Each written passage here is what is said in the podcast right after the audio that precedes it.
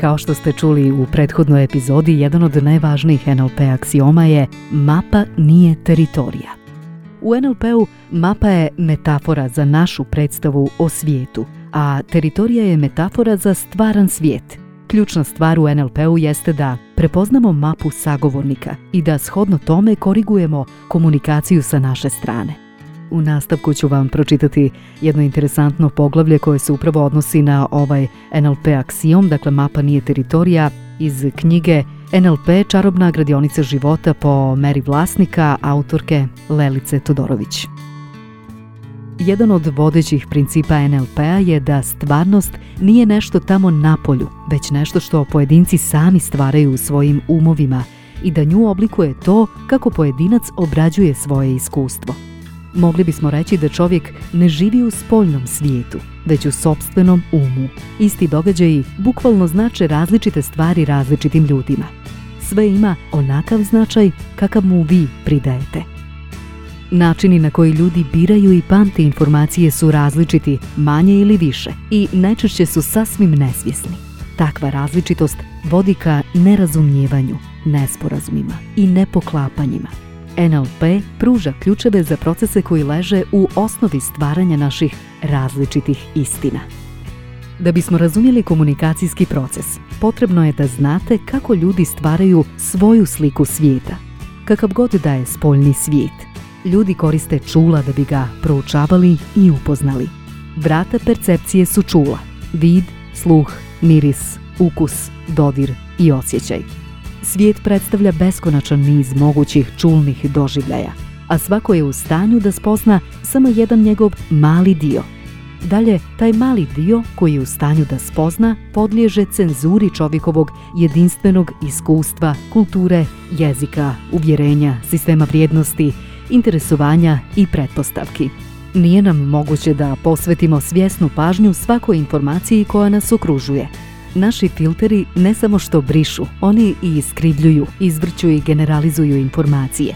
Izvrtanjem, najčešće nesvjesno, ljudi mijenjaju doživljaj onoga što im čula šalju. Razlozi su različiti, zaštita, motivacija ili jednostavno zato što nemaju mogućnost da na drugačiji način interpretiraju određeni događaj. Generalizacija funkcioniše tako što nove informacije povezuje sa znanjima i iskustvima iz prošlosti, Filteri su nesvjesni, prirodni, korisni i neophodni. S druge strane, oni su ograničavajući. Brisanje čuva zdrav razum, ali uskraćuje mnoge informacije. Važno je to da svako ima svoje jedinstvene filtere i ne brišu svi iste informacije, niti ih na isti način iskribljuju, izbrću i generalizuju. Filteri su različiti, kao što su različiti i otisci prstiju. Filteri koje koristite prilikom percepcije određuju svijet u kome živite tako svako živi u svojoj jedinstvenoj stvarnosti, izgrađenoj na čulnim utiscima i individualnom životnom iskustvu i postupa u skladu sa svojim shvatanjem svijeta. Ljudi obraćaju pažnju na one aspekte svijeta koji ih zanimaju, a ignorišu ostale. To što ljudi svakodnevno rade na filterima liči na crtanje geografskih mapa. Procesuirajući u mozgu ono što je čulima iskusio, čovjek stvara svoju sliku svijeta svoju interpretaciju koju naziva mapa. Mapa nije događaj, niti svijet. Mapa je interpretacija događaja, to jest svijeta. I svi imaju različite mape. Neke su slične manje ili više, a neke su potpuno različite. Ne postoje dvije potpuno identične mape. Mapa nije teritorija, iako je dragocjena za istraživanje teritorije.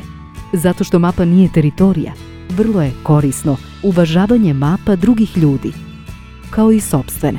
Uvažavanje mapa drugih ljudi znači da pokazujete uvažavanje prema tuđim interpretacijama, iako je vaša drugačija. Svako stvara svoju mapu u zavisnosti od onoga šta opaža i kuda želi da stigne. Mape čovjeku mogu biti korisne, beskorisne ili štetne za određeni cilj i kontekst. Svako od nas je u centru svoje mape. Stvaranje mape je neprekidan svakodnevni proces. Uvažavanjem mapa drugih ljudi prihvatate postojanje različitosti, stičete uvid u interpretaciju drugih, a sagledavanjem drugačijih mogućnosti interpretacije teritorije širite svoju mapu i povećavate sobstvene izbore. Mnogi problemi u komunikaciji nastaju baš zato što ljudi misle da sagovornik ima istu percepciju pojmova kao što su sreća, efikasnost, odmor, ljubav i tako dalje. Istina je međutim da praktično ne postoji riječ u jeziku koju svi ljudi doživljavaju na potpuno isti način. Zašto ljudi uopšte prave mape? Prosto da bi se snašli i preživjeli. Ovaj svijet je prepun senzacija. Naša čula ne mogu da isprate sve što se oko njih dešava. Umjesto toga, ljudi filtriraju samo ono što im je potrebno da bi opstali, a ogroman dio spoljnog svijeta ne razmatraju. Na ovaj način svako od nas stvara svoju realnost, svoju mapu svijeta.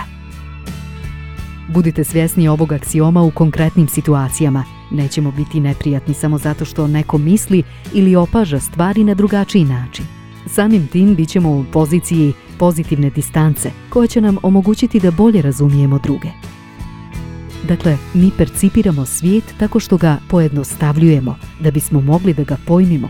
Zato naše mape nisu teritorija. Neozbiljno je očekivati da će naša svijest obuhvatiti kompletnu stvarnost.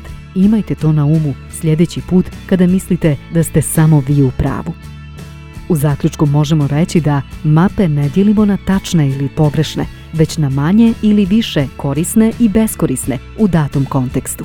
U NLP-u je jednostavno nemoguće imati ispravnu ili pogrešnu mapu svijeta. Cilj je da se stvori što kvalitetnija i detaljnija mapa koja poštuje ekologiju samih nas, okruženje i svijeta u kojem živimo. Najefikasniji ljudi na svijetu imaju neurolingvističku mapu koja im povećava moć izbora i perspektive.